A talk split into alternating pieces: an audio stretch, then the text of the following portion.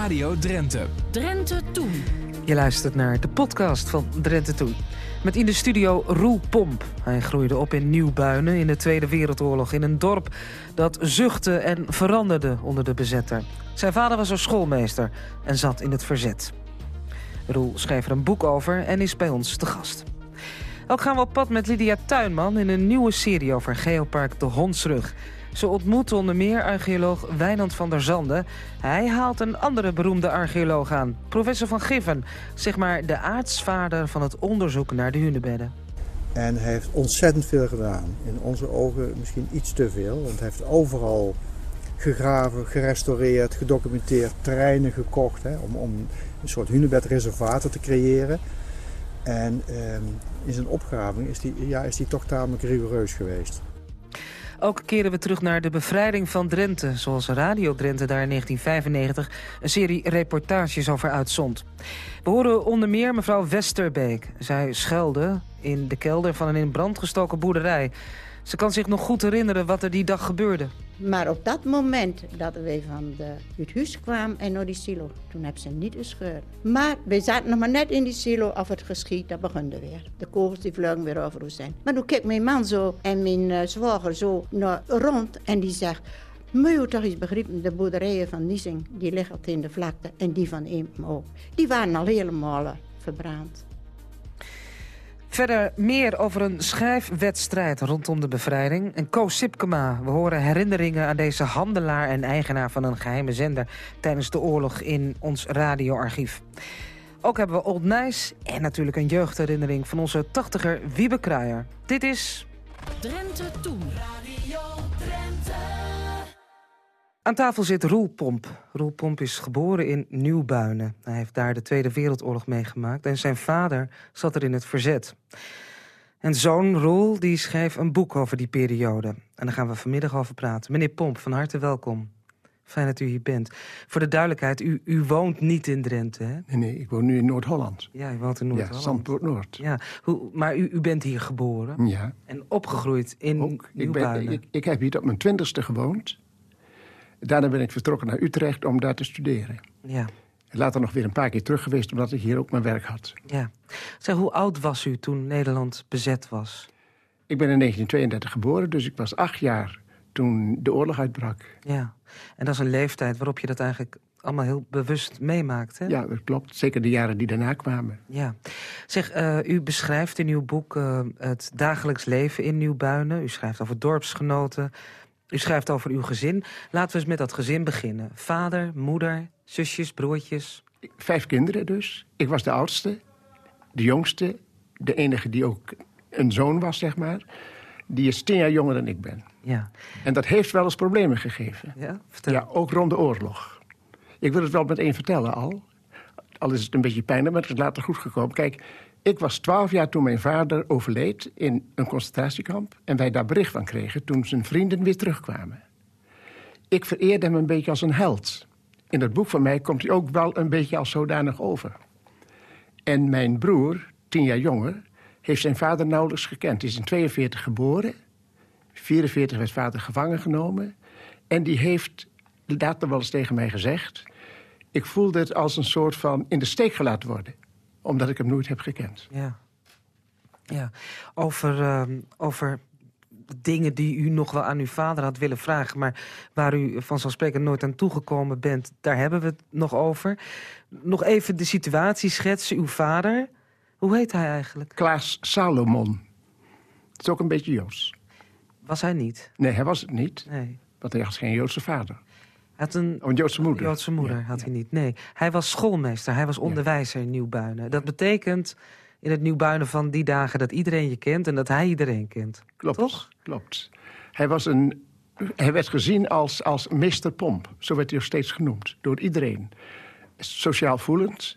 Had ook uh, in een bepaald gedeelte van Nieuwbuinen... een speciale uh, opdracht, vond hij voor zichzelf... om daarbij de mensen die niet konden lezen en schrijven... ze te leren lezen en schrijven. Op het moeras, zoals dat toen heette. Waar dus alleen maar uh, mensen woonden die in het veen werkten. Ja. En nauwelijks een school uh, hadden bezocht. Ja. En daar zette hij zich ook voor in. Dat, dat sociaal voelende, dat heeft hem uiteindelijk ook bij het verzet gebracht. Ja, en zijn, eh, zijn geloof. Ja. Hè? Zijn eh, hele duidelijke... eh, eh, dat het eh, erom gaat in het leven dat iedereen een plekje onder de zon moet hebben. En dat eh, Joden met name, er woonden wel geen Joden in Nieuwbuinen... maar hij vond wel dat er eh, verzet moest zijn. En de eerste daad die hij verrichtte was dat er eh, een bordje verboden voor Joden moest worden opgehangen op het jeugdgebouw waar hij leiding gaf aan een aantal jongens. En toen kwam er een keer een agent met het bordje van de burgemeester uit Borgen, een NSB-burgemeester, wel een Nederlander, maar een NSB-burgemeester. En die ehm, gaf het bordje aan mijn vader en zei: Dit moet op jouw jeugdgebouw staan. Verboden voor Joden. Had mijn vader best goed kunnen vinden, want er woonde geen Jood in Nieuwbuinen. Dus er zou nooit een Jood binnenkomen om te vragen: mag je hier binnenkomen? Maar hij zei toen tegen die agent: breng het bordje maar weer terug, want dat gebeurt hier niet. Want ook Joden zouden hier uiteraard welkom zijn. Toen zei hij tegen die agent: maar nee, breng het maar niet terug, ik ga zelf. En dat heeft hij gedaan. Achter op zijn fiets had hij dat eh, bordje gedrukt eh, op, zijn bagagedrager. En het bij de burgemeester op zijn bureau neergelegd. Meneer de burgemeester, dit komt dus niet aan mijn jeugdgebouw te hangen. En eh, die was wat beduust en ging weg. Maar de volgende dag kwam er een groene politieauto van de Duitsers... en die haalde mijn vader op, terwijl hij les gaf op school. En ehm, hij werd weggevoerd. Ik maakte dat zelfs niet mee. Ik zat wel bij hem in de klas, maar was toen toevallig niet in de klas. En toen is hij daar een tijd lang op het... eh, eh, het- hoe heet dat? Het gemeentehuis in Borger is hij gevangen gezet. Heeft een pak slaag gehad. Een revolver tegen zijn hoofd. Eh, na twee uur mocht hij weer naar huis. Het was nog min of meer in het begin van de oorlog, in 42. En toen werd tegen hem gezegd... als dit weer gebeurt, dan weet je dat er wat anders eh, met jou gaat gebeuren ook. En dan word je niet meer zo maar weer vrijgelaten. Dus zo is hij thuisgekomen. Geschrokken, bleek. En wij blij dat hij weer terug was. Maar dat was dus de eerste verzetstaat. Ja, ja. Zag uw vader het, het gevaar niet in die, in die periode? Of, of was denk- zijn overtuiging zo sterk? Beide. Hè? Er was, eh, is mij ook wel eens gevraagd, eh, hadden ze geen angst? En eh, ik denk dat het een mengeling was van... er moet ingegrepen worden tegen de bezetting... Maar zal het goed aflopen? Maar we hopen het wel. Dus een mengeling van het moet en angst en toch volhouden. Ja. Dat lag door elkaar. Bij iedereen trouwens. U schrijft, ehm, voordat we gaan praten over uw vader en, en in het verzet... schrijft u daarvoor nog over een man uit Nieuwbuinen die u Witte B noemt. Witte B, dat komt omdat hij een bos wit haar heeft. Klopt. Ja. Een witte kuif. En Witte B was ook niet bang. Witte B, nee, Witte B was niet bang. Dat was een boer. En eh, daar heb ik bijzonder goede herinneringen aan. Want hij was ook, behalve dat hij in de gymnastiekvereniging van het dorp... een zeer belangrijke plaats innam... omdat hij geweldig als een soort Epke Zonderland aan de rekstok hing. En eh, vol bewondering. Iedereen die, eh, was, was ook verbaasd dat hij dat zo goed kon. Maar aan de andere kant was hij ook een hele goede leraar op de zondagschool. Want in die tijd ging hij nog naar de zondagschool. En dan kon hij prachtige verhalen vertellen. En ik heb ook vaak met hem, samen met een vriend van mij, ook een boerenzoon... eh, op zijn landerijen gelopen, op zijn weilanden gelopen. En dan kon hij ons prachtig vertellen. Hij had een, ehm, ehm, een gevoel van eh, dat God heel dichtbij was. En God niet als een verre potentaat ergens in een soort hemel... maar als iemand die dichtbij is, als een vriend aan wie je ook jezelf kwijt kunt als je dat wil en bemoedigd wordt. Nou, dat was een beetje zijn levenshouding. En Witte B. die eh, heeft in april 1943 heeft hij een, op 30 april een toespraak gehouden op het Kerkplein in Nieuwbuinen omdat op 1 mei de staking zou beginnen. Een soort oproep van de regering uit Nederland. Een staking dat je je werk moest neerleggen... en dat je eh, Ja. eh, eventueel geweldloos verzet moest plegen. En Witte B nam het op zich om de mensen van Nieuwbuinen toe te spreken... om hetzelfde te doen. En dat was heel gevaarlijk. Dat was heel gevaarlijk. Ja, dat deed hij op een eh, zaterdagavond, 30 april. En, eh, eh, maar hij deed het heel zelfbewust. Ik ben erbij geweest, heel stilletjes. Ik mocht niet van thuis. Maar met de U lag in de bosjes met een Ik lag in de bosjes van het Kerkplein, rondom die kerk in Nieuwbuinen. En daar zagen we op een gegeven moment dus ook, en we noemden dat een soort slang. En dat was een vroegere vriend van Witte B, Willem Jager, ook een boer, een boerenzoon. Ze hadden vrienden geweest, maar die liep achter Hitler aan. Die ging voor de oorlog al naar Duitsland. Niet zo ver vandaan Die natuurlijk. zat bij de NSB. Die zat bij de NSB en die is later SS'er geworden aan het Oostfront. Gewoon weer teruggekeerd. En toen dachten we, nou is die wel veranderd. Maar in tegendeel, hij was des te feller.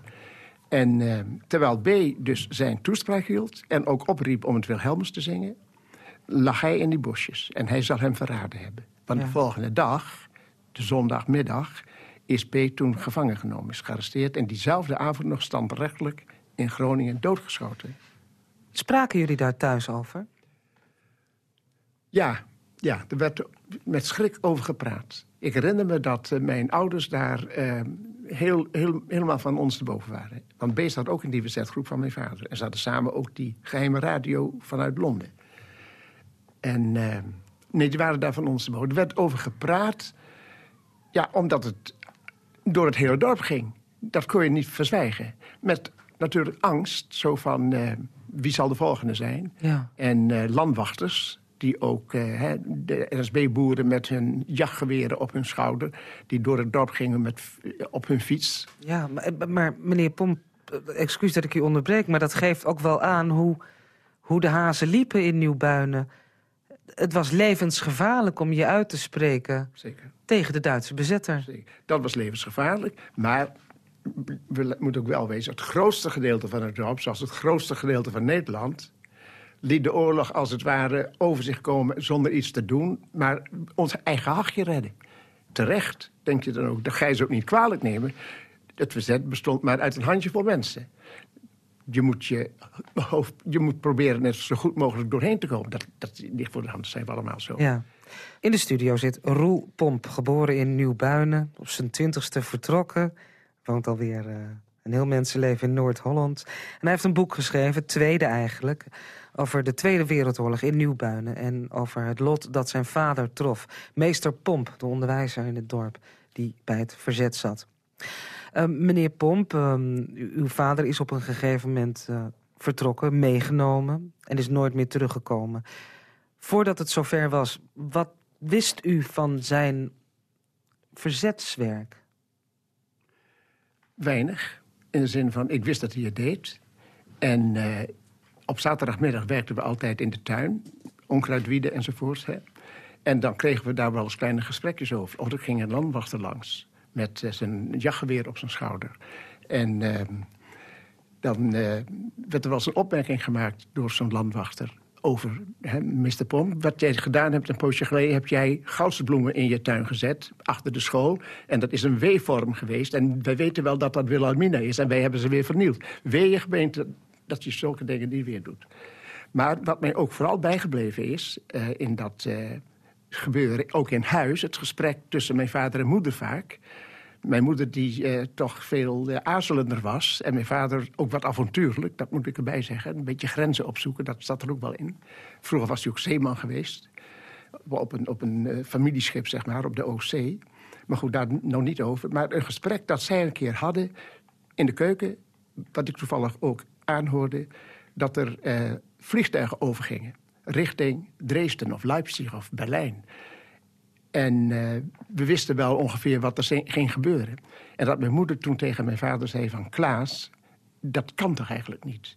Dat er straks weer onschuldige kleine kinderen, oude mensen... vrouwen, mannen die helemaal niets met de oorlog te maken willen hebben... die hun leven willen leven en verder niet... dat die daar kapot worden gemaakt. Dat mag toch niet? Dat mag ook van je geloof toch niet? Dat wil God toch ook niet? Dat zijn ook toch mensen? Het gaat niet alleen om de Joden, maar ook om die onschuldige mensen daar. En dat mijn vader ook begon te huilen. En ook tegen haar zei van, ja, Klasien, want zo heette mijn moeder... dat mag toch ook eigenlijk niet? Dat mag ook niet. Ik ben het met je eens. Maar het moet soms. Er is geen andere mogelijkheid. Hij zegt maar, je moet goed weten... ik haat geen enkele Duitser, zei hij toen. En dat heb ik altijd goed, goed, is me goed bijgebleven. Hij zei, als ik een Duitse soldaat zie... dan haat ik niet die man, maar ik haat zijn uniform. Want Ja. een uniform staat voor iets. En dat haat ik. Dat die man dat nou draagt, misschien wel omdat hij toevallig ook gedwongen is om militair te moeten zijn. Maar dat uniform haat ik. En dat is me altijd bijgebleven. En dat herinnert mij nu ook aan wat ik zelf twintig jaar later, toen ik zelf een gezin had van vier jonge kinderen, ook meemaakte. Toen gingen we, ik wilde eigenlijk niet naar Duitsland.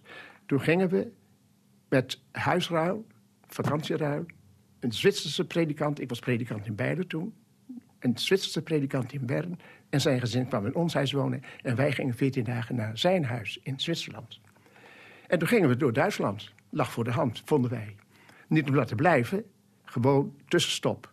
We kwamen op een raststette en dat was prettig, een boterhammetje eten, nou je weet hoe dat gaat.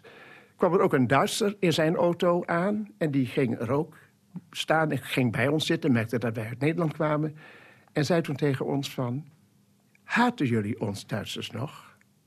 Ik heb daar niks op gezegd, van ik was een beetje uh, de klus kwijt op dat ogenblik. En uh, toen zegt hij, ja, ik ben in de oorlog ook in Nederland geweest. Ik was op de Veluwe. En toen dacht ik, hé, hey, Putten, waar zoveel mannen weggevoerd zijn... nadat het verzet een belangrijke hoge Duitse officier neer hadden geknald. Was jij misschien bij het wegvoeren van die mannen in Putten? Maar ik zei het niet. Toen ging hij staan, grijnsde en keek naar ons en wees naar de autobaan. Hij zegt van, zie je die autobaan? Die autowegen? Ja? Die hebben jullie te danken aan Hitler. En die heeft ze voor ons gemaakt. Heil Hitler, zei hij. En grijnsde en liep weg. Toen zei ik tegen mijn vrouw van... hij heeft het uniform nog aan. Mm. Begrijp je wat ik daarmee bedoel? Ja. Ik haat geen Duitser, geen mens, maar als ze in het pak zitten... Ja. Nieuwbuinen, vader, um, verzet. Weet u wat uw vader deed? Wat hij precies deed? Of was dat een beetje in nevelen gehuld? Ik wist alleen dat hij voor het verzetsblaadje Trouw... die blaadjes rondbracht. En ook rond, rond liet brengen. Dat deed hij dus met anderen samen. Maar hij had een beetje daar de leiding van. Dat wist ik wel. Dat hij blaadjes rondbracht waar iets over het verzet in stond. Ja. Dat hij naar de radio luisterde. Maar later hebben we ook wel gehoord dat hij ook wel eens meedeed in Borger... om een distributiekantoor te uh, plunderen, zeg maar. En, en hij hield ook uh, uh, Joden om te onderduiken. wij hadden soms ook een gast in huis. En die bleef meestal maar één nacht. Want we waren met vijf jonge kinderen. En dat was dus een Joodse man of een Joodse vrouw. En die werd een dag daarna naar de plek gebracht waar ze langer konden blijven maar één nacht bij ons, want kinderen kunnen wel eens wat hè, mm zeggen. Want het is een keer gebeurd. Dat een landwachter, ik was toen aan het vissen uh, in, in, het, in, de, in, in, het kanaal, zeg maar. En toen kwam er een landwachter of twee waren en die kwamen bij me langs, die gingen bij me staan. En uh, zei de ene, Roel, uh, hebben jullie een vriendje? Heb je weer een vriendje op bezoek? En ik zei helemaal, ik heb helemaal geen vriend. Ja, een neefje is geweest. Dat zei ik dus maar. Een neefje is geweest, maar die is alweer vertrokken. En hij, hij, zei, ja, maar ik denk ook dat het een, echt een vriendje van je is die daar is. En toen ging hij weg. Beetje benauwd werd ik en ik vertelde dat thuis. En toen zei mijn vader tegen mijn moeder van... hier moeten we dus mee stoppen.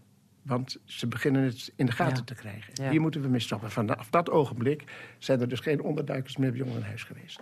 U beschrijft heel mooi in uw boek hoe, ehm, hoe dat allemaal naast elkaar kan bestaan. Hè? De Gezelligheid met de familie. Ja. Terwijl je ondertussen voelt dat je bang moet zijn en dat er spanning is. Dat, dat- op de een of andere manier kon dat naast elkaar bestaan. Ja, ja. Maar kijk, ehm, na de dood van Witte B, dat was dus in 43, is- in één hoofdstuk in mijn boek heet ook... eh, het leven gaat gewoon verder. Wij speelden, wij genoten, wij eh, gingen schaatsen. Mijn vader was ook een zeer enthousiaste schaatser. Eh, liep ook met ons vaak op, op de schaatsen of op het ijs naar school. 20 minuten lopen, van huis naar school. In die tijd was er nog een winter, weet je. En, eh, en daar genoten we van. En dat, dus dat was er ook. Het, Ja. het pannenkoekenbakken, het, het, Ja. het, eh, met oud en nieuw. eh Neos-cookies en zo. Hè? Ja. Dat was Ehm, ook gewoon. We hebben het nog niet gehad over uw vader en dat hij wordt opgepakt. Wilt u dat vertellen? Ja, ja. Het heel onverwachts eigenlijk. Kijk, hij en de andere vrienden, hè, Het waren zes, vijf à zes onderwijzers in het dorp. Er was een openbare school, er was een school met de Bijbel... en er was uh, weer zo'n openbare school, weer zo'n school met de Bijbel... en die zo'n lang streekdorp van 10 kilometer. En van al die vier verschillende scholen was er op zijn minst één onderwijzer... die samen die club vormde. Dus geloof speelde geen rol, maar het was die verzet. En vriendschap, ondanks uh, toch meningsverschillen soms wat het uh, geloof betreft.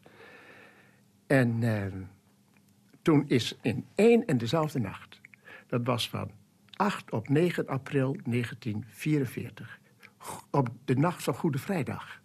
Het is heel bijzonder, omdat ik daar straks misschien nog iets over kan zeggen. Uh, de nacht van Goede Vrijdag. Uh, zijn ze allemaal, alle vijf, op hetzelfde moment, s'nachts om half drie, in hun eigen huis gearresteerd. En wij wisten dat niet van elkaar natuurlijk, wisten dat niet. In ons huis is mijn vader dus gearresteerd en wij sliepen boven. Mijn ouders en de jongste, Dick, het jongste broertje, die sliepen dan beneden. En toen werden wij door um, een paar van die soldaten uh, gemaand om uit bed te komen. Mijn oudste zus en ik. En uh, de anderen die mochten blijven, want het waren kinderen, werd gezegd. Dat herinner ik me goed, dat zijn kinderen. Alleen mijn zus en ik moesten naar beneden om te zien wat er gebeurde. Mijn vader werd geslagen. Uh, ik vertel het nog heel nuchter. Hè? Hij werd geslagen en geboeid. Hij schreeuwde, au, au, niet langer alsjeblieft. Mijn moeder werd aangerand, zou je kunnen zeggen. Nachtjapon van de lijf gescheurd. En uh, toen is hij uh, weggevoerd. Honden, vier, vijf honden blaften ook. Ik ben altijd nog bang voor een herdersom, bij wijze van spreken. Hè? En zo is hij weggevoerd. En toen zei mijn moeder, we waren dus... Uh, het, uh, de foto van de koningin was van de muur gescheurd. Uh, er waren blaadjes gevonden, want die lagen onder het... zeg maar, hoe heet dat? kleed over tafel, hè? tafelkleed. Daar lagen ze onder verborgen. Die lagen ook verscheurd. En hij is weggevoerd en toen zijn ze naar Groningen gebracht... naar het Scholtenhuis. Later naar Amersfoort. En vanuit Amersfoort naar Siegburg in Duitsland, het Roergebied waar ze een winter lang, in augustus zijn ze erin gebracht... waar ze een winter lang uh, de uh, spoorrails en de kazernes moesten herstellen... die s'nachts kapot waren gebombardeerd.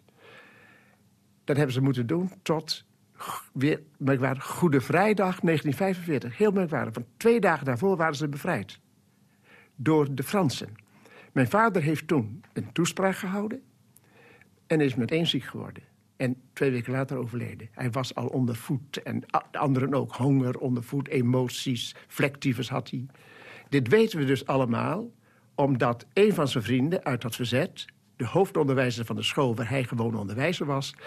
op een notitieboekje, telkens heel kort in een keurig handschrift bijgehouden heeft... wat ze allemaal hebben meegemaakt. Onder andere het overlijden van mijn vader en wat daaromheen gebeurde. Ja. En begraven werd met behulp van een anti-Hitler-priester, katholieke priester, Duitser, in een, uh, in, een, in een graf aan de rand van een katholieke begraafplaats, omdat hij in ongewijde aarde begraven moest worden, was, want was een katholiek, tussen twee Russische krijgsgevangenen in. En daar is hij begraven. En later, gelukkig, weer uh, herbegraven in Nieuwbuinen in 1949. Ik wilde u nog zoveel vragen, verhaal. meneer Pomp. Maar het staat ook allemaal in dat boek. We hebben afgesproken dat u nog een stukje voorleest. Ja. En ik denk dat, uh, dat nu een goede tijd daarvoor is. Oké. Okay. Nou, dan begin ik uh, zomaar weer in het boek. Uh, ik spreek dus in het boek ook over papa en mama. Hè, want ik doe alsof ik inderdaad jong ben, een kind ben. Soms had mama midden in de week wel eens iets nodig. De suiker was op of er was geen meel meer voor de pannenkoeken. Vaak had ze nog wel een paar bonnen over. Dan werd een van mijn zusjes of ik naar een heel klein leuk winkeltje gestuurd. Het stond maar een paar minuten lopen bij ons vandaan. Het was het winkeltje van een oud vrouwtje met een gebochelde rug. Ze kon alleen maar lopen met een stok. Tingelingeling ging het belletje als je de winkeldeur opendeed.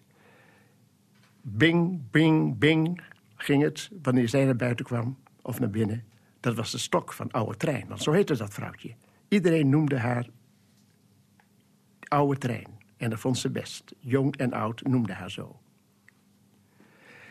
Ze liep heen en weer achter de toonbank. Bonk, bonk, bonk ging het op de krakende houten vloer. Ze was als een vogel die geboren is met één vleugel en toch kan vliegen. Je kreeg ook altijd wat lekkers wanneer je haar winkeltje binnenging om een boodschap te doen. Een toverbal of een stukje zoethout of een vetertje drop of een paar tumtummetjes. Alsjeblieft, zei ze. Hier is je boodschap, de groeten aan je mama. Bonk, bonk en weg was ze. Daar woonde ze, in een klein vertrekje achter die deur. Het was haar hele huis, een winkeltje en een kamertje met twee kleine ramen. In de muur tegenover de raampjes was een kast gemaakt. Wanneer de deur van die kast open was, zag je in het donker een klein houten bed met een dekenzak vol stro. Daar sliep oude trein, de bedstee. De bedstee was een bijzondere plek. Vanuit de winkel zag je de deur van de bedstee wel eens een stukje openstaan. Wat zou je er graag even onder willen kijken? Er waren schots en scheef planken voor getimmerd. Die zaten er vast al heel lang. Daar bewaarde ik spullen van mijn overleden man, zei ze. Zijn klompen en zijn zondagse pet, zijn drie tabakspijpen met lange gebogen steel... en ook het gouden horloge, wat hij van zijn, van zijn eigen vader had gekregen. Och, zei ze, en ze zuchtte wat. Ze hadden zelf geen kinderen. Ook nog wat andere dingen die ik niet graag wil missen. En haar stem klonk droevig. Toen de oorlog voorbij was, bleek dat onder de bedstee van Oude Trein een vrouw had gewoond. Een Joodse vrouw uit een streek van ons land waar familie van Oude Trein woonde. Die hadden haar gevraagd deze vrouw een schuilplaats te geven in haar huisje. In het schuurtje achter haar huis had ze een klein deurtje gemaakt in de muur, zodat je vanuit het schuurtje onder de bedstee kon komen. Maar je kon het deurtje niet zien, want ze had er altijd een stapel dozen en turf voor liggen. En wanneer het donker was, kwam de ondergedoken jonge vrouw stilletjes naar buiten. Als een weerloos dier, overgeleverd aan wilde jagers, kwam ze haar holletje uit. Ze keek rond en als er niemand in de buurt was, huppelde ze als een vrolijk meisje door het gras. Ze heeft er drie jaar verborgen gezeten. Toen kon ze in het stralende licht gaan staan. Toen oude trein ongeveer vijf jaar later stierf en begraven werd, stond boven de advertentie in de krant het Joodse woord voor vrede, shalom. Dat wilde ze graag. De dominee die haar vaak bezocht toen ze ziek en zwak werd, heeft bij de begrafenis goede woorden over haar gesproken. Hij zei dat God overal engelen op aarde heeft en dat je zo'n engel in je buurt kunt hebben zonder dat je het weet. Oude trein was ook zo'n engel. Het boek heet En de Merel zingt. Een Drentsdorp in de Tweede Wereldoorlog. Het is geschreven door u, Roel Pomp. En het is uh, uitgegeven door United PC. Die hebben ook een website en daar kun je gewoon op zoeken... en dan kom je het boek tegen. En anders moet je maar even contact opnemen met RTV Drenthe. Bedankt. Albert Oosterhuis die zat niet met een boekje in een hoekje... maar met een hele stapel kranten. Radio Drenthe. Drenthe Toen. Old Nijs. Journalisten, en dan met name journalisten die schreef voor een krant... die wordt geacht helder te schrijven met duidelijke, korte zinnen. Dat was volgens mij vroeger toch wel iets aans, want voor mij ligt de provinciale Drijnse en Asserkraant van 10 maart 1887. Daarin stiet een rechtbankverslag. En de eerste zin in dat verslag heb ik een paar keer lezen voordat ik hem klein beetje deur haar, maar dat kan natuurlijk ook aan mij liggen. Die zin die giet als volgt. Gijs Bertus W., gedetineerd, verpleegde te Veenhuizen, wordt beschuldigd van diefstal van een kistje met winkelwaren dat, door W. van Leer voor de weduwe K. Vos te Assen verzonden, door L. Timmermans, knecht van schipper C. Jonker, aan beklaagde ter bezorging was toevertrouwd aan de zaalopziener R. van de Meulen te Veenhuizen. Ja, hij hem. Het giet dus om een kistje met winkelwaren, bedoeld voor weduwe K. Vos. En het komt er in elk geval op neer dat het kistje nooit aankomen is. Uit het getuigenverhoor bleek, zo giet dit artikel verder, dat alleen Jonker kan zeggen het kistje aan beklaagde te hebben toevertrouwd. Een andere getuige is daarvoor niet.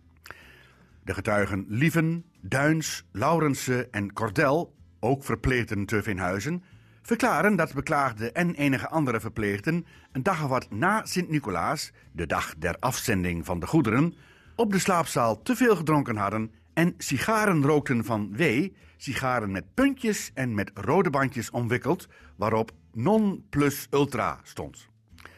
De sigaren die zich onder de winkelwaren der weduwe K. Vos bevonden, waren echter sigaren met gaatjes erin, zonder puntjes en niet met bandjes omwikkeld, zoals Van Leer verklaart. W. trakteerde ook op jenever, maar onder de winkelwaren, aan de weduwe K. Vos gezonden, was wel brandewijn, geen jenever. W. stond volgens deze getuigen wel bekend dat hij, hoewel zulks verboden was, handel deed in allerlei waren en in vergunning.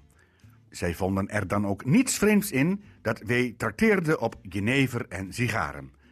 De jenever was, volgens een der getuigen, houlerwijkse, dat wil zeggen met veel water vermengd. Dergelijke feesten worden in Veenhuizen volgens de getuigen meer aangelegd, terwijl de zaalopziener Van der Meulen zegt dat het niet onmogelijk is dat er drank wordt gebruikt, niet tegenstaande er scherp op wordt toegezien. Ja, dat blek. Nou, het komt erop neer, het OM kan er niks met, acht het ten laste gelegde door niets bewezen en vraagt de vrijspraak van beklaagde en zijn onmiddellijke invrijheidstelling. Maar goed, al met al kun weduwe K. Vos wel fluiten naar haar kissie met winkelwaarden, waarbij wij ons natuurlijk heel braaf afvraagt wat een ordentelijke weduwe amuts met brandewijn en sigaren. Drenthe toen. Het archief. Rond 1960 zond onze voorloper, de Rono, een item uit over de geheime zender van Koos Sipkema. Hij was radiohandelaar in het oosten van het land... en in de Tweede Wereldoorlog kwam hij illegaal aan radiobuizen... en ook bouwde hij een geheime zender. Voor de Rono-radiomicrofoon halen bekenden van Koos Sipkema herinneringen aan hem op. En er eh, wordt ook nog gezongen. Ja, hij zegt er nou iets van wat de uithaal onder het oog van de controle en allemaal meer. Hij heeft en nou, nou komen we eigenlijk op het punt waar we het over hebben wilt. We hebben nou zo'n beetje zijn persoon belicht en nou weet die luisteraars wat voor man of Koos Sipkema zo'n beetje was. Um, Koden heeft onder het oog van de Duitsers een zender gebouwd. Wat maar kortweg zeggen, daar komt het op neer. In de laatste oorlogswinter. En hij had een bepaalde reden om dat, doen, om dat te doen. Zo is het toch, Jaap? Wat, had hij, wat was dat de reden precies van? Nou, ik kan me herinneren dat er toen van, wou zeggen van hogerhand, werd er toen verzocht. Ze hadden maar één zender toe in Holland, dat was Eindhoven. De andere zender was nog in het bezit van de Duitsers. En die zal straks ook wel de lucht ingaan. De vierde verzocht dat er soms mensen waren die kans zagen om een toestelletje te bouwen, een zendertje dan. Die zullen dat doen om de mensen alsnog de berichten te geven. Nou, en door is Ko geloof ik op ingehuikt. Is meteen begonnen met een toestelletje te bouwen. Je had toen zelf nog een soort telefooncentrale in de kelder en er zaten vier moffen in. Maar ja, dat waren nog niet de broers, maar dat was een Oostenrijkers die noodgedwongen ook onder dienst waren. Maar de commandant, dat was een lilleket. En dan kwam zo nog en dan maar. Fijn, Ko heeft eraan gepruts. En die lui die stonden er ook wel eens bij, maar die wisten helemaal niet wat de miek. En toen de oorlog afgelopen was. Nou, ik herinner me nog goed, alle routes waren eruit, zoals in Gendingen alle woningen ongeveer zonder route waren. Had een grote luidspreker voor het raam staan en dan gingen die berichten, die vingen dan weer op van Eindhoven, hoe heette die zender ook alweer? Reizend Nederland. Reizend Nederland, geloof ik. En dan konden de mensen die konden die berichten luisteren. En dan stond zwart op de straat, dan kon er niks meer doen. Maar fijn, dat is ko op deur geborduurd en dat duurde niet lang. Of hij zond s'avonds van, was het niet van 7 tot 8 of van 8 tot 9, dan zond hij uit. En dat weer heel ver weer werd opgevangen. Die kreeg brieven van Groningen en ver uit Duitsland, Hollanders wie er nog zaten. Dan had ook nog een goede zender gebouwd. Ja, de zender was tamelijk goed, want hij had een groot, grote rijkwijde, dat weet ik nog wel. Zolder kan de signeerde nou dat is niet zo wat, want zo'n vakman was het. Ja. Nou, er kwamen verschillende hydrijn- en grammofoonplaten, maar er waren ook verschillende orkestjes hier uit de buurt. En een zangkoortje wie daarvoor kwam. Of misschien kan hier Rinders er wel meer van vertellen, want hij heeft er toch ook wel eens voor gespeeld, meen ik. Ja, Rinus of Hent, wie van de twee eigenlijk het eerste? Hent, nou, hoe ben je uh, eigenlijk aan het zingen gekomen? Ja, hoe ben je met Ko in aanraking gekomen? Ja, dat is eigenlijk gekomen omdat wij, Rinus en Rudy Knaven en ik, we hadden, bij elkaar hadden we een zanggezelschapje gevormd. En dat werd begeleid met gitaren met Hawaii-gitaren. Kortom, daar kwam later kwam er aan te pas een versterker, elektrische Hawaii-gitaar. Ik werd dan hoe dat heet en we kwamen rechtstreeks in aanraking met het technische vernuft. Waar wij Co eigenlijk niet bij missen konden. Zo kwamen wij eigenlijk geconfronteerd met Co. Je had geen stroom voor een Hawaii-gitaar? Nee, we hadden geen stroom. Maar Co den lossen dat op een zeer spontane wijze lossen dat op, want hij verrassen er ons op een bijzondere manier met. We moesten namelijk spullen, ergens op een plaats, ik weet al niet eens meer waar. Maar Koerden kwam met een prachtige batterij, kwam met de vuur zien en zeggen, jongens, zeggen, hier kan je toch met redden. En we waren werkelijk te branduit. En ik vind het ook bijzonder van hem. Sympathiek zelfs. Uh, en we hebben er een hele sympathieke herinnering aan, maar ik wil zeggen, Koor was altijd zeer spontaan. Hij zei, jongens, kom je woensdags nog even een liedje zingen. En dan waren we dan met ons drie. En dan zongen we ons programma. Ja, en wat zong je dan, Rinus? Nou, dat, dat, was altijd heel verschillend. We uh, zongen cowboy songs dan. En uh, Indische liedjes destijds was dat ook erg gewild. Ging dan allemaal driekorig dus. En ook Hawaiian uh, liedjes. Um, kondigen die dan aan ging dat meestal zo van... Goedenavond, dames en heren, hier is Radio Sipkema. Dat werd dan gewoon zo openlijk gezegd. Ja, ja dat was niet geheim. Helemaal niet geheim. En voor u spelende Maori's, dat waren wij drieën dan. Ging dan ja, ze bestaan niet meer, hè, de Maori's? Nee, helaas niet meer, moet ik zeggen. En doe je zelf nog aan gitaarmuziek of wat ook? Ook nog een klein beetje, zo s'avonds help ik jongens en meisjes die dan graag gitaar willen leren, die help ik dan nog. En zing je daar zelf dan ook nog mee? Ook nog wel eens, ja. Kun je niet eens even laten horen? Op, op mijn oude dag. Kun je niet zo'n meisje bij jou? Dat uh, kunnen we doen.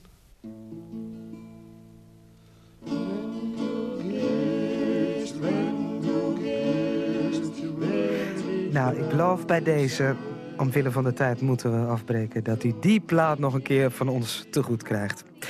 Goed, 75 jaar geleden Nederland bevrijd. Richard Zuiderveld en Bram Baptist hebben een schrijfwedstrijd uitgezet. Ze zijn allebei schrijver en docent geschiedenis op het Carmel College in Emmen. En Lydia Tuinman die vroeg ze naar die wedstrijd. Ja, we organiseren een schrijfwedstrijd. 75 jaar vrijheid in Emmen. En wij verzamelen eigenlijk uh, gedichten en verhalen over de oorlogstijd of de bevrijding in Emmen. Hoe kwam je zo op dat idee? Ja, wij wilden als school heel graag iets doen met dit bijzondere jaar, 75 jaar vrijheid. En uh, Bram Baptist, mijn collega en ik, wij schrijven dus allebei uh, korte verhalen en boeken. En we dachten, nou, we willen iets doen vanuit onze eigen hobby, onze eigen passie. Wat doen we? We zetten een verhalenwedstrijd uit. En daar is nu toe heel leuk op gereageerd. We hebben al een paar mooie inzendingen. Oké, want wie, uh, wie kunnen meedoen aan die wedstrijd? Eigenlijk iedereen van 12 jaar of ouder die een mooi verhaal heeft, verzonnen verhaal of een waargebeurd verhaal over de oorlog in de gemeente Emmen. En uh, dat kunnen ze opsturen naar jullie. Uh, jullie zijn dan waarschijnlijk ook de deskundige jury. Ja, ik zit in de jury en mijn collega Bram Baptist die, uh, die kijkt eerst naar de verhalen en dan sturen we naar de jury. Daar zit Peter Veen zit erin, Pieter Koolwijk, twee schrijvers uit Emmen ook. En wij gaan de top 20 bekendmaken. Um, ja, verhalen uit uit de bevrijding, over de bevrijding van Emmen. Um, heb je dat zelf een beetje in beeld, hoe dat hier gegaan is? Ik ben oorspronkelijk geen Emmenaar. Ik ben eigenlijk een Leeuwarder, ik ben een Fries. En dit is voor mij wel een manier om iets meer over de geschiedenis van Emmen uh, te weten te komen. In de afgelopen jaren dat ik hier woon, probeer ik allerlei projecten te doen waardoor ik eigenlijk iets meer weet van deze regio. En dit is daar eigenlijk ook weer een van. Ja, je daagt, uit mensen, om, je daagt mensen uit om met hun verhaal te komen. Eh, moet het authentieke herinneringen zijn? Nee, ze mogen ook gewoon een verzonnen verhaal opsturen. Ja. Het mag ook een fictief verhaal zijn. Um, en en, en wat, wat krijg je zo al binnen? Zijn het, loopt het in de tientallen? Ja, tot nu toe hebben we volgens mij twee gedichten binnen. We hebben een verhaal binnen. Ik heb het verhaal zelf nog niet gelezen. Maar we denken wel dat er wel, wel een paar tientallen verhalen komen, ja. ja. En welke leeftijdscategorie uh, meldt zich het meest? Daar durf ik nog niks over te zeggen. Nee, weet ik nog niet. Nee, weet ik niet. En, en hoe lang hebben we nog om een, uh, een verhaal te schrijven over uh, de bevrijding van Emmen? Ja, de inleverdatum is 4 maart. En dat kan via onze e-mailadres. Dat is te vinden op de, de website. Je mag het ook nog wel even zeggen hoor. Ja, de website is uh, karmelemme.nl schrijfwedstrijd. Daar staat alle informatie op, ook de prijzen en uh, alle regels waar ze zich aan moeten houden. En het e-mailadres is schrijvenovervrijheid.gmail.com. Oké. Okay. En, de beste 20 verhalen die komen dus in een boek en 75 jaar vrij. Dat is op zich een enorme beloning natuurlijk, dat jouw verhaal in een boek uh, komt. Ja, en daarnaast kunnen ze ook nog kiezen uit andere prijzen. Oh, vertel. Ja, ze kunnen kiezen bijvoorbeeld een officieel shirt van FCM is een uh, prijs.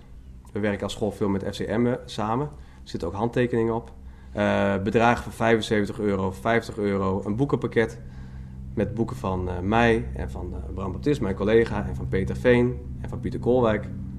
En alle 20 winnaars krijgen dus het verzamelboek. En een klas vol met winnaars, dat, dat, zou het allerleukste zijn dus, hè? Ja, maar we hebben wel afgesproken dat de leerlingen van onze school doen ook mee. Maar we gaan niet 20 leerlingen van onze school laten winnen. We gaan wel even kijken van, nou, dit zijn de beste van onze school.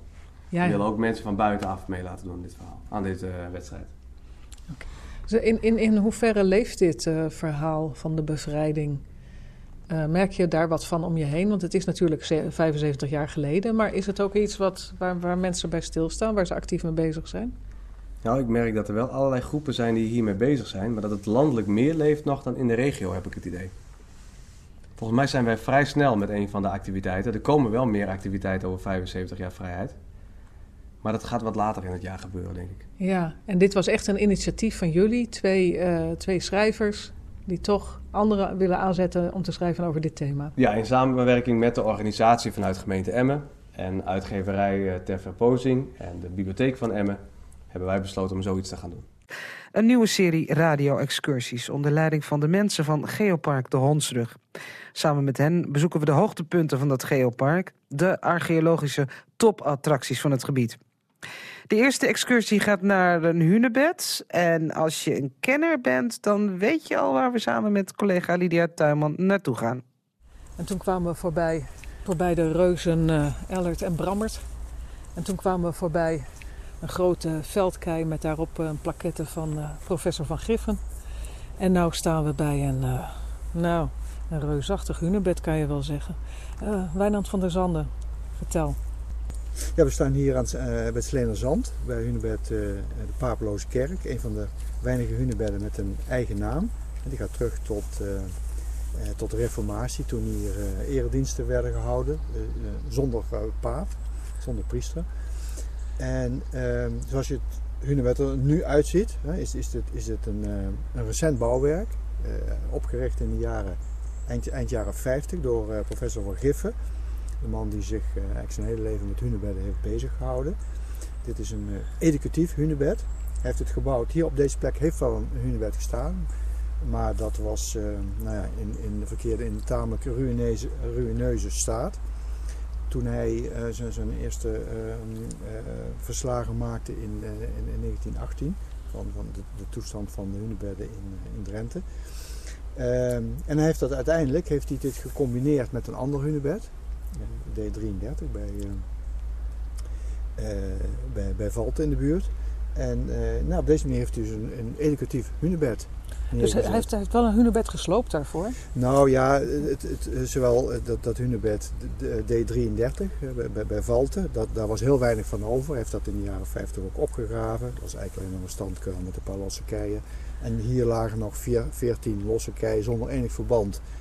En eh, nou, hij vond, dat, uh, hij vond het toen acceptabel om daar nu een educatief hunebed van te maken samen met keien die hij op andere plekken gevonden heeft. Het zou nu volstrekt ondenkbaar zijn.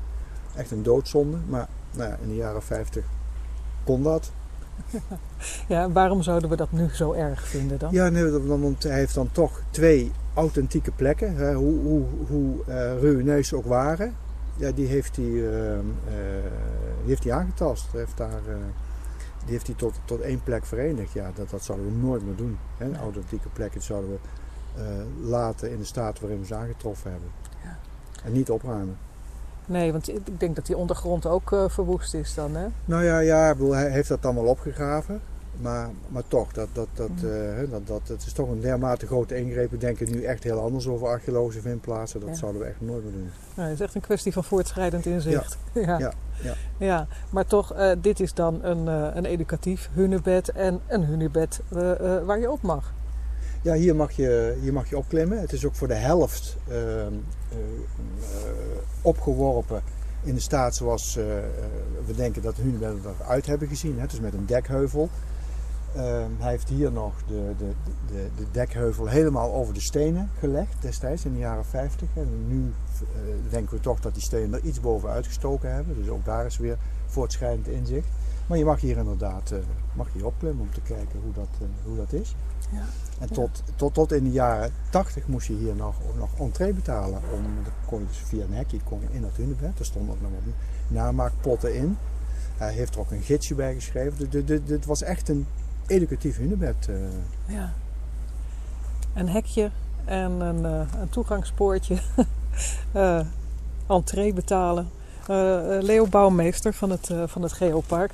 Een, een heel bijzondere en gedenkwaardige plek. Um, maar qua geopark, hè, de, de, de prehistorische herinneringen zie ik hier niet zo heel veel. Wat, wat, wat kan je over dit gebied vertellen?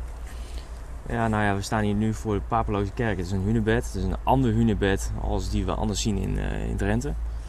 Dat maakt het dus al bijzonder. In ieder geval dit, dit hunebed. Alleen het gaat niet alleen zozeer over alleen dit hunebed. Het gaat om het hele gebied. Het Sleen en Zand. En het, is wel een mooi bruggetje die we kunnen maken. Want, uh, want erover dus net dat dit een, met toegangspoortjes en dat je hier dus in de jaren 80 moest voor betalen, educatief. Nou, eigenlijk waren we hier op, door een echt een openluchtmuseum. Het Sleen en Zand is groter dan alleen uh, Papeloze Kerk. Je hebt hier nog veel meer uit, uh, uit de hele prehistorie. Perfect voor onze verhaallijn die we willen vertellen. Ja, want als je hier gaat wandelen, uh, wat, wat kan je hier dan nog meer aantreffen in dit gebied? Oh ja, volgens mij bijna alles. Uh, je hebt hier uh, urnenvelden, je hebt hier een grafheuvel, Celtic Fields. Dus als je hier een rondje maakt, dan kom je bijna alles tegen. Ja, dus als je een, een samenvatting wil hebben van historische, prehistorische ja. hoogtepunten, dan is, is het Slenerzand wel een goede plek. is denk ik de beste plek om te bezoeken. Absoluut. Uh, Wijnand van der Zanden, uh, dit hunebed, hè, wat uh, eigenlijk als, als educatief project is, is neergezet. In, in hoeverre ehm, heeft hij het goed gedaan, Van Giffen, met de wetenschap die we nu hebben? In het algemeen heeft hij het, heeft hij het goed gedaan. Hij is in 1918 begonnen met te inventariseren, hè, hoe, opdracht van de minister. Hoe, hoe liggen de hunebedden in Nederland erbij, wat moeten we eraan doen? Heeft hij voortreffelijk gedaan en vervolgens is hij de rest van zijn leven mee bezig gebleven. En hij heeft ontzettend veel gedaan. In onze ogen misschien iets te veel. Want hij heeft overal gegraven, gerestaureerd, gedocumenteerd, terreinen gekocht. Hè, om, om een soort hunebedreservaten te creëren. En ehm, in zijn opgraving is die, ja, is die toch tamelijk rigoureus geweest. Uh, maar weet je, dat, dat is met, met uh, uh, terugwerkende kracht.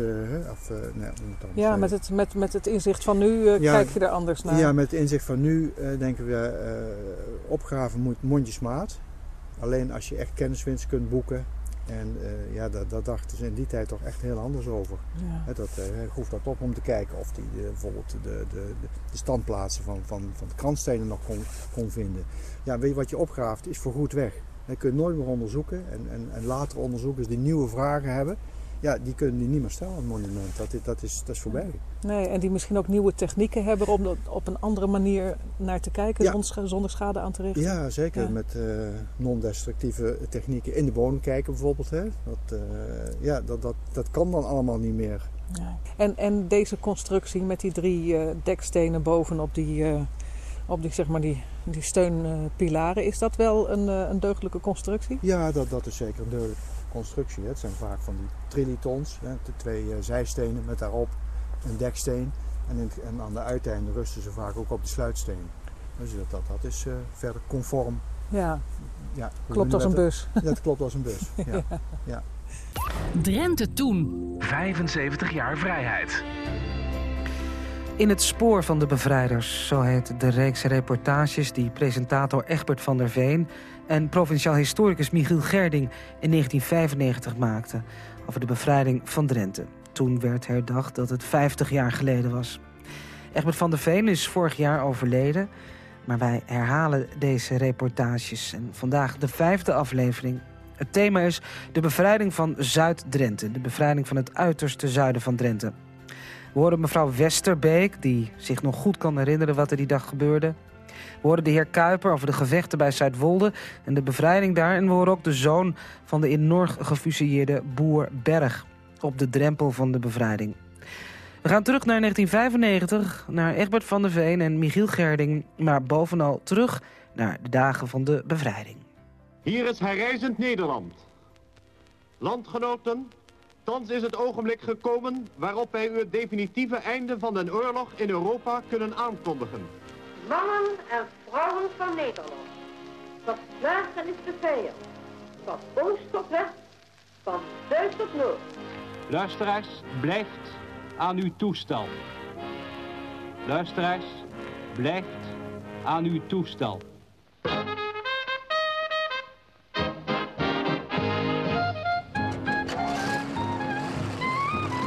bevrijding van Drenthe. Een bijdrage van Michiel Gerding en Egbert van der Veen.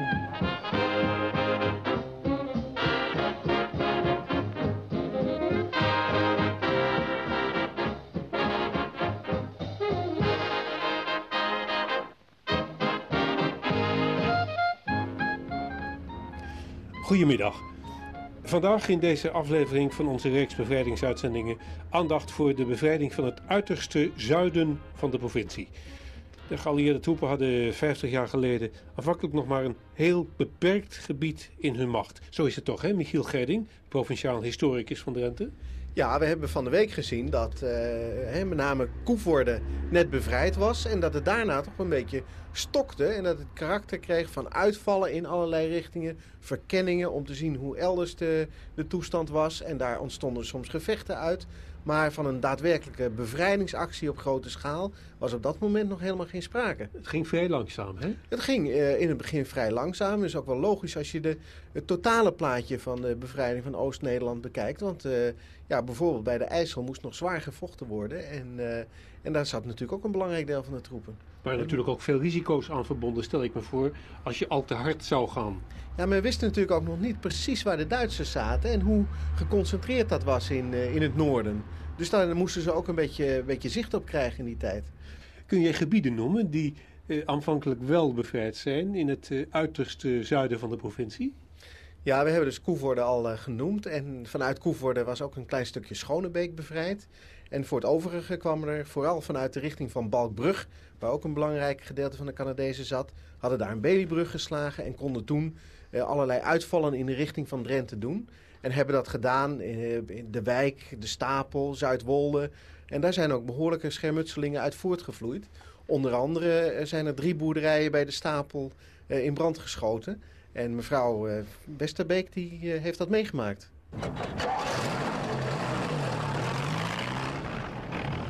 Het was mooi weer die dag en het was smiddags een uur of drie. En toen kwam de buurvrouw bij ons en die zei van... nou, de Tommy's die bent aan Ballenbrug, dat, uh, ze zijn er zo. En dan kan mijn man terugkomen uit Engeland, zegt ze. Nou, en mijn man die zei, nou, dan ga ik me nog even scheren. En dan zult ze er weer weten. Maar mijn man die was half in een ziep. En toen begonnen ze te schieten. En toen ben wij naar de kelder in de vlucht. Met, we hadden ook nog twee evacuees uit Limburg. En die bent met ons gegaan. En de buren ook. En dan zaten we misschien met een stuk of dertien in de kelder. En vreselijk zoals ze scheurden. Het, we waren zo benauwd.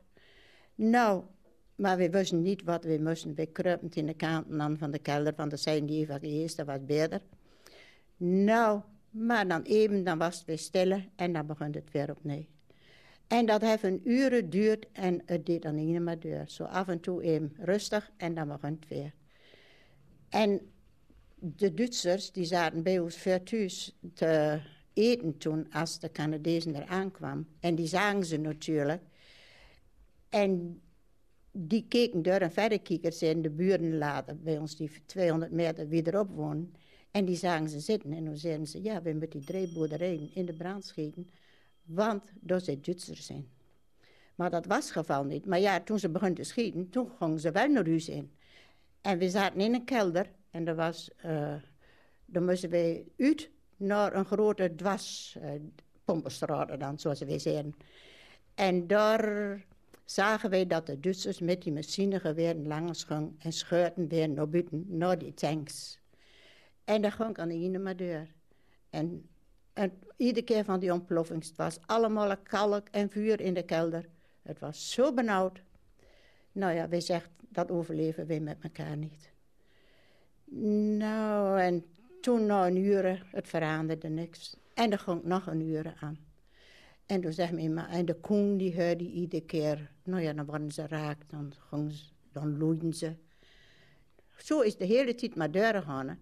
Maar toen hoorden wij van de buren later, dat iedere keer, er stonden een stuk of drie, vier tanks geloof ik, 200 meter verder. En iedere keer, dan ging er een weer door bij ons het huis. En die begonnen weer te schieten. En dan schoten die Duitsers terug. Maar dan ging die terug en dan was het even weer stil. Maar dan kwam de volgende weer.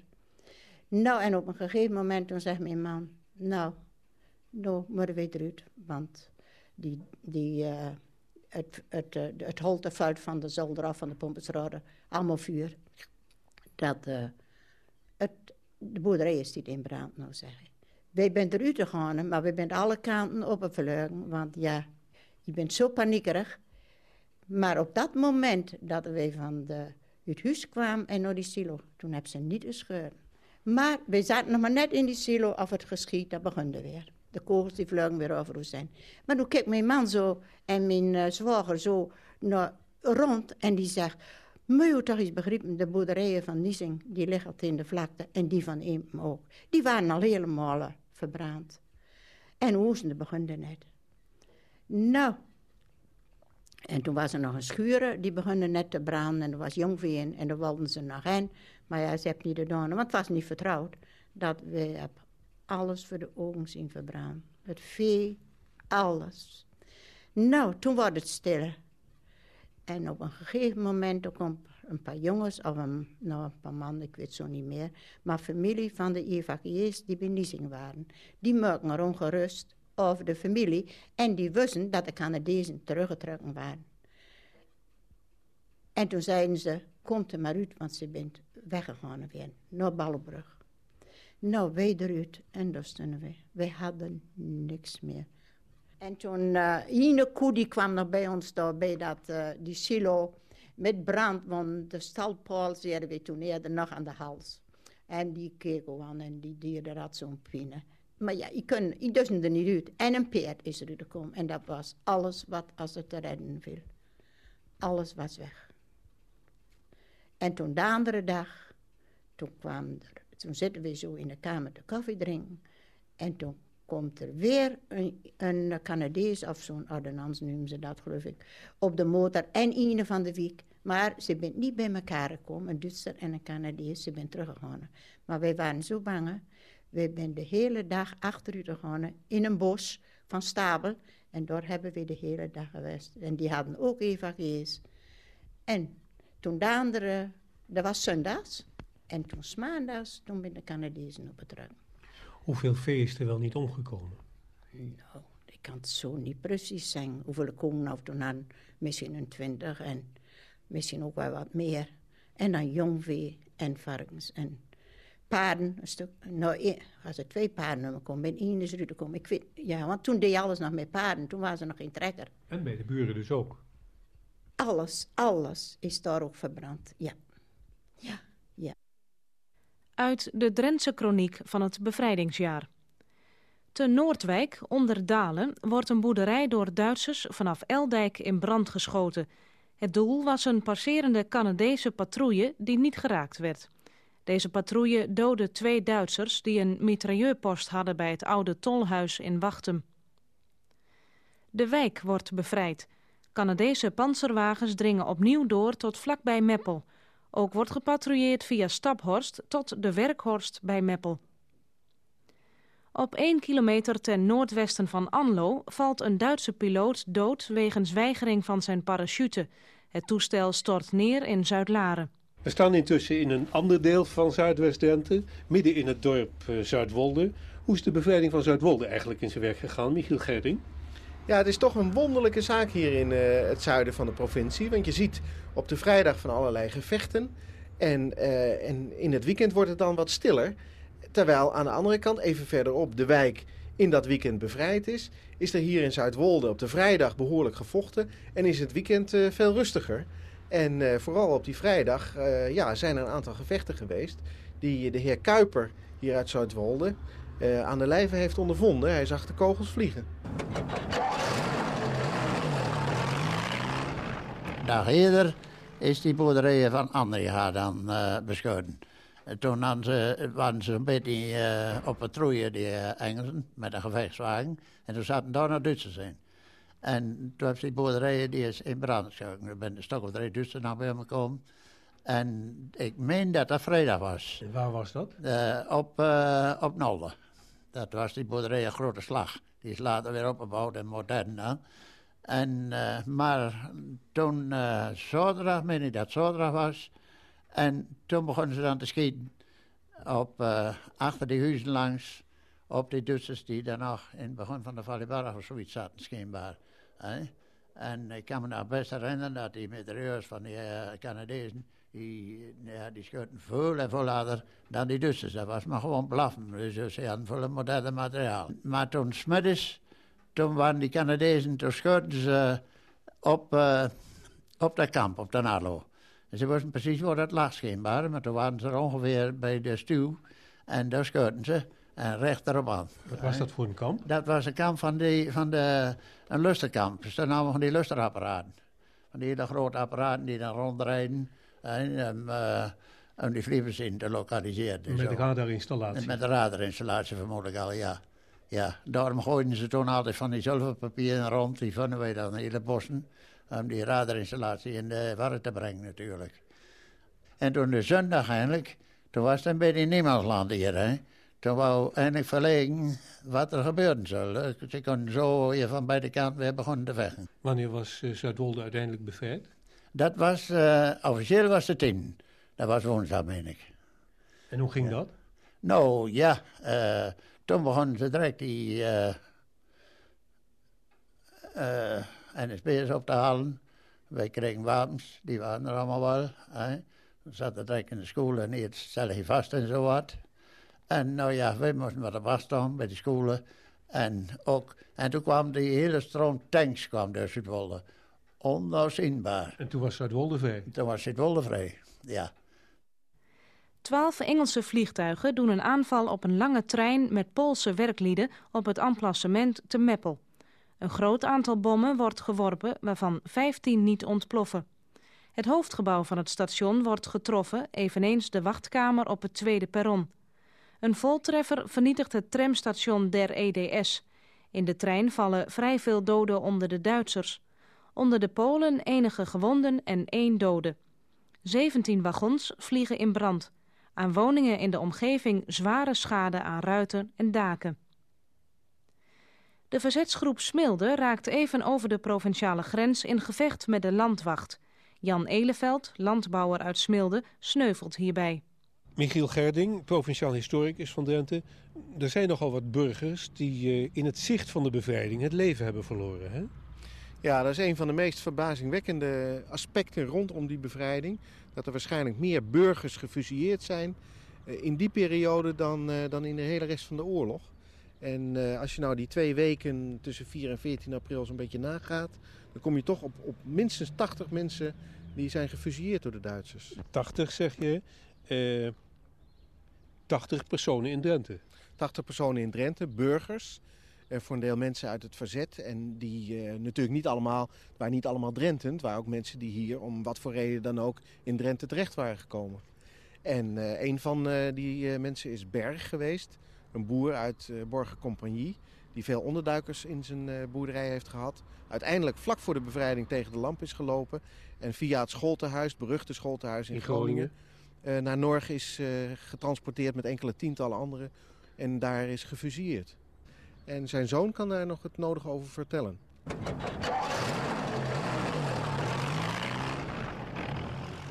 Het, het was de 13e april, exact dat Hoge Zandsappenmeer bevrijd werd. Dat ik als jongen toen uh, natuurlijk actief was, althans de bevrijders hier met de eerste Canadezen tegemoet kwam en gesprekken had met die bevrijders. Niet anders wetende dat, dat vader weer terug zou komen, want dat was ja immers, Groningen was al bevrijd. Nooit in de gaten gehad wat er gebeurde. En het was, ik deed ook mee uh, aan, aan, aan die avond toen natuurlijk. Maar wanneer hoorde u het wel? De dag erop. De dag erop werd door vrienden van moeder gezegd dat er in de bossen van Norg... of contacten met de, met de mensen, illegaliteit misschien, of, of gemeentebestuur, weet ik veel... Die, uh, die ons vertelden dat daar, uh, en dat er ook bij ons thuis... Uh, mensen kwamen met een, met een jekker van vader en de schoenen, dus... Toepak heb je wel dat mis was. En die bevrijding heb ik natuurlijk op een bijzondere wijze doorgebracht. Want... Was het niet extra triest dat uw vader uitgerekend in het zicht van de bevrijding... Oh, natuurlijk. Oh, natuurlijk. En, en, het leefde als een roes. Je dacht nog steeds dagen naar de tijd. Het zou wel mis zijn. Het zou wel, als, gewoon je wist, als gewoon je wist dat je de jekker had... En als gewoon je wist alles dat het wel fout was. Maar daar wilde je gewoon niet aan geloven. Heeft u uh, uw vader nog uh, gezien? Ik heb mijn vader gezien. Ik ben de enige die mijn vader gezien heeft. Waar en wanneer? op de begraafplaats, want hij is uh, drie dagen na de bevrijding hier begraven. In Hoge Zand? In Hoge Zand, in Sappemeer. En eh, ik weet dat er ik, bij geruchten hoorde ik hele gekke verhalen... wat ze met vader Berg hadden gedaan, mishandeld enzovoort enzovoort. Mensen hadden niet in de gaten dat ik erbij stond. En toen heb ik, en dat zal ik nooit vergeten, ben ik naar begraafplaats, die ondernemer, die, hoe noem je dat? Begrafenisondernemer. Ja, die, die, die, zegt, ja, Berg junior... je vader is hier gebracht, uh, maar uh, je bent uh, niet meerderjarig. Ik mag je het niet laten zien. En op dat moment was ik door alles heen kennelijk. En ik heb gepersisteerd. Ik heb gezegd, en ik wil dat zien. Want dat en dat wil ik me van overtuigen. En daar ben ik achteraf ook nog niet rouwig om geweest. Maar, en toen hebt u uw vader te zien gekregen? Ja, ja, ja, vader te zien gekregen. Hoe reageerde u op dat moment? Ik was, uh, uh, ik was uh, wel ondersteboven. Dat moet u zich maar voorstellen. In ieder geval, dat komt er wel bij misschien.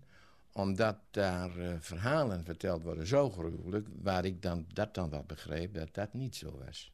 Hij was niet mishandeld? Niet mishandeld. Althans, dat zag ik niet. Dat was een geruststelling? In geruststelling. En, en om te meer redenen dat ik, uh, dat, ik dat uh, gezien heb... dat komt in het later verhaal omdat uh, de, hij anders gefusieerd is. Niet op de wijze zoals die andere. Hij heeft op het laatste moment toch nog gemeend... als je toch als een, als een dier wordt afgemaakt... dan wil ik toch proberen in de borsten te ontwijken...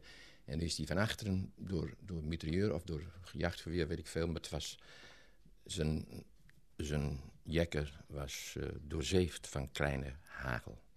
In Borger wordt het bevel afgekondigd dat niemand zich op straat mag bevinden. De te gieten gelegerde Duitsers trekken naar het staatsbos om parachutisten te bestrijden. Ze blijven echter aan de rand van het bos.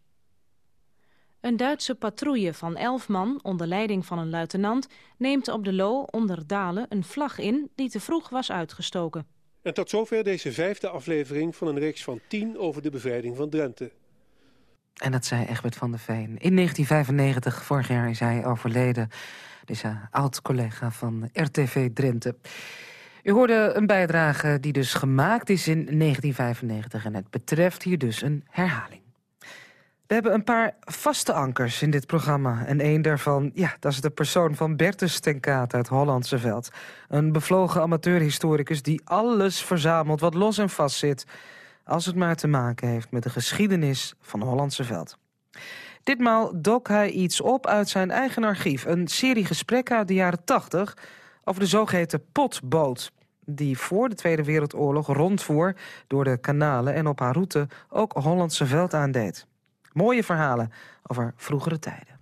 Het potschip, ja, het was een, een, uh, een min of meer intrigerend uh, gegeven. Uh, omdat ik in mijn jeugd er wel eens wat van meekreeg, omdat mijn moeder er wel eens wat van vertelde. Dat het potschip daar langs kwam en dat, dat de man dan met de accordeon op de wal en de vrouwen ging het potschip in. Want het potschip is behalve een soort, een type schip, ook een soort drijvende winkel. En dat was het potschip wat mij intrigeerde. Ja, en op mijn 15e ging ik werken en kwam ik terecht bij Sipkema in de Krim, woninginrichting. Ook al lang niet meer bestaand. Maar daar hoorde ik dat ook Sipkema in de Krim begonnen was als potschip. En die vaarde dan blijkbaar tussen Koevorn en, uh, en, en Zwolle of zo. Want in, uh, je had later uh, Sipkema de Krim, Balbrug en Dedemsvaart. En tot mijn grote vreugde kwam ik in 1970 te werken bij Jan de Boer. In Hogeveen, in de meubilering, in de stoffering.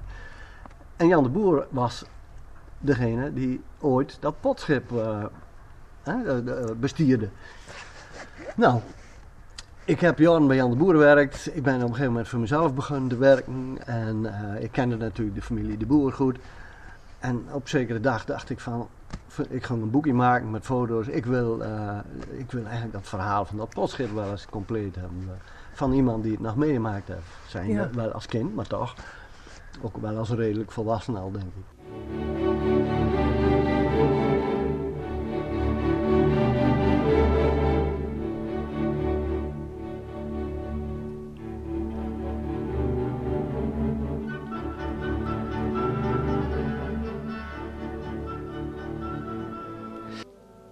Het is woensdagmiddag 26 november 1986. De cassetterecorder kraakt, tikt en bromt af en toe. Maar het verhaal van het potschip en van alles eromheen stiet erop. Verteld door Hans de Boer in gesprek met Bertus ten Kaat. Het potschip is eigenlijk, was in Friesland zuiver een schip waar uh, potgoed wat de bakken werd in Sneek verkocht werd aan de boerin. Uh, Friesland was waterrijk. Sommige boerderijen waren niet anders te bereiken dan met een schip. En dat heette dan een potschip. Komt bij dat inmaakpotten, een, een veel gevraagd artikel in die tijd, dat hij die bovenop het schip had staan. Dus al ligt potschip. Ja. Maar goed, mijn vader had op zijn manier een schip waar hij handel mee deed. En dan ging hij in de zomer, ging hij daar een paar maand, meer dan een paar maand, mee naar Hollandse Veld, Helem, Nieuwlanden. Hij vuur uh, het opgehouden in en lag wekenlang bij de pastorie van de hervormde kerk. Kooiman. Kooiman, toen in die tijd. Hij ging dan Zuideropgaande op. Toen stopgaande in. Dan kwam hij op Nieuwlanden. De scheiddeur. En kwam dan aan de Jurenwikke. En dan vierde Jurenwikke weer in Zuideropgaande.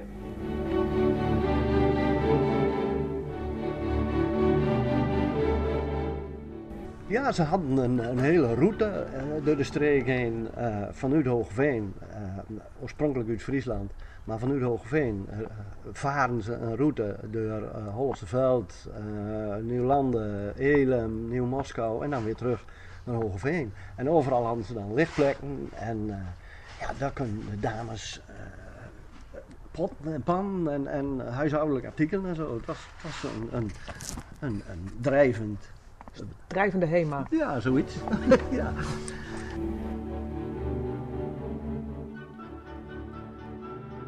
Dan vul je even richting Moskou, officieel moet je zeggen Nieuw Moskou.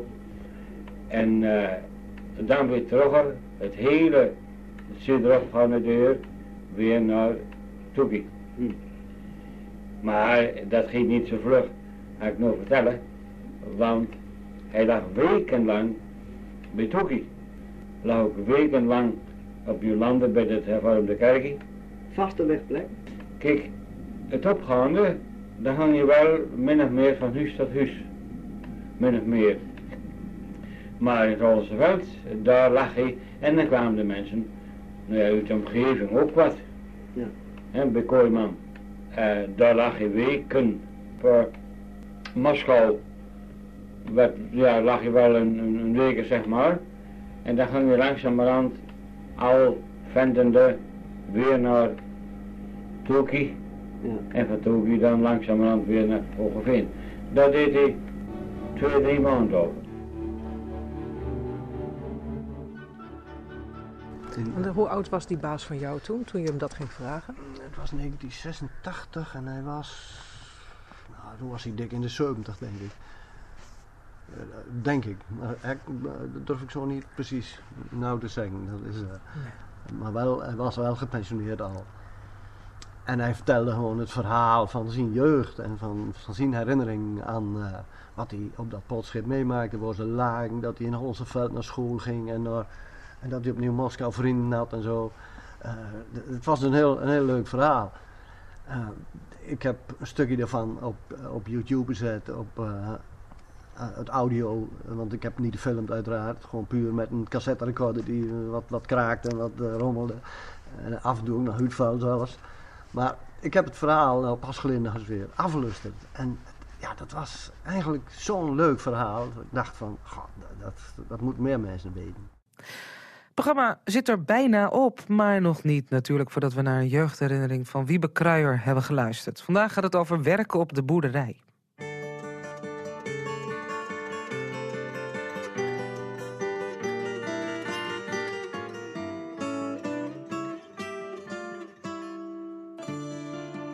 De melk werd door de meeste boeren s'morgens in melkbussen bij de straat gezet en door de melkrijder met paard en wagen opgehaald en naar de coöperatieve melkfabriek in Eelde gebracht om daar te worden verwerkt en van daaruit te worden gedistribueerd.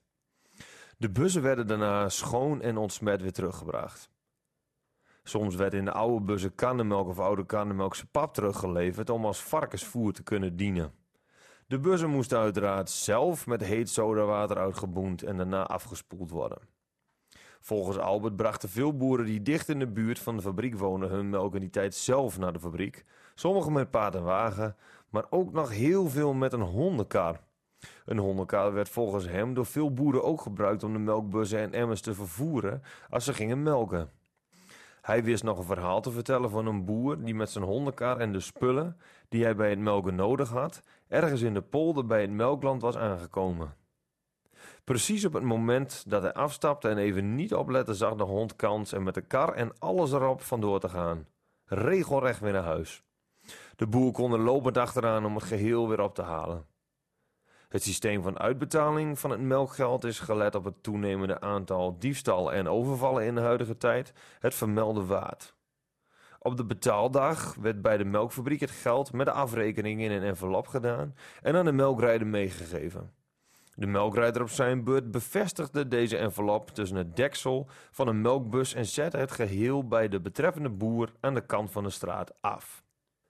In de loop van de dag zette de boer de melkbussen zoals altijd bij huis en traf dan zijn verdiensten aan. Ik heb nog nooit gehoord dat het melkgeld was gestolen of door de melkrijder achterover werd gedrukt.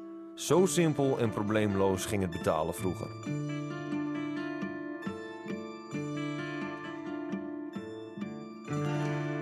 Robert Oosting las het voor, een jeugdherinnering van Wiebe Kruijer. Je luisterde naar de podcast van Drenthe Toen.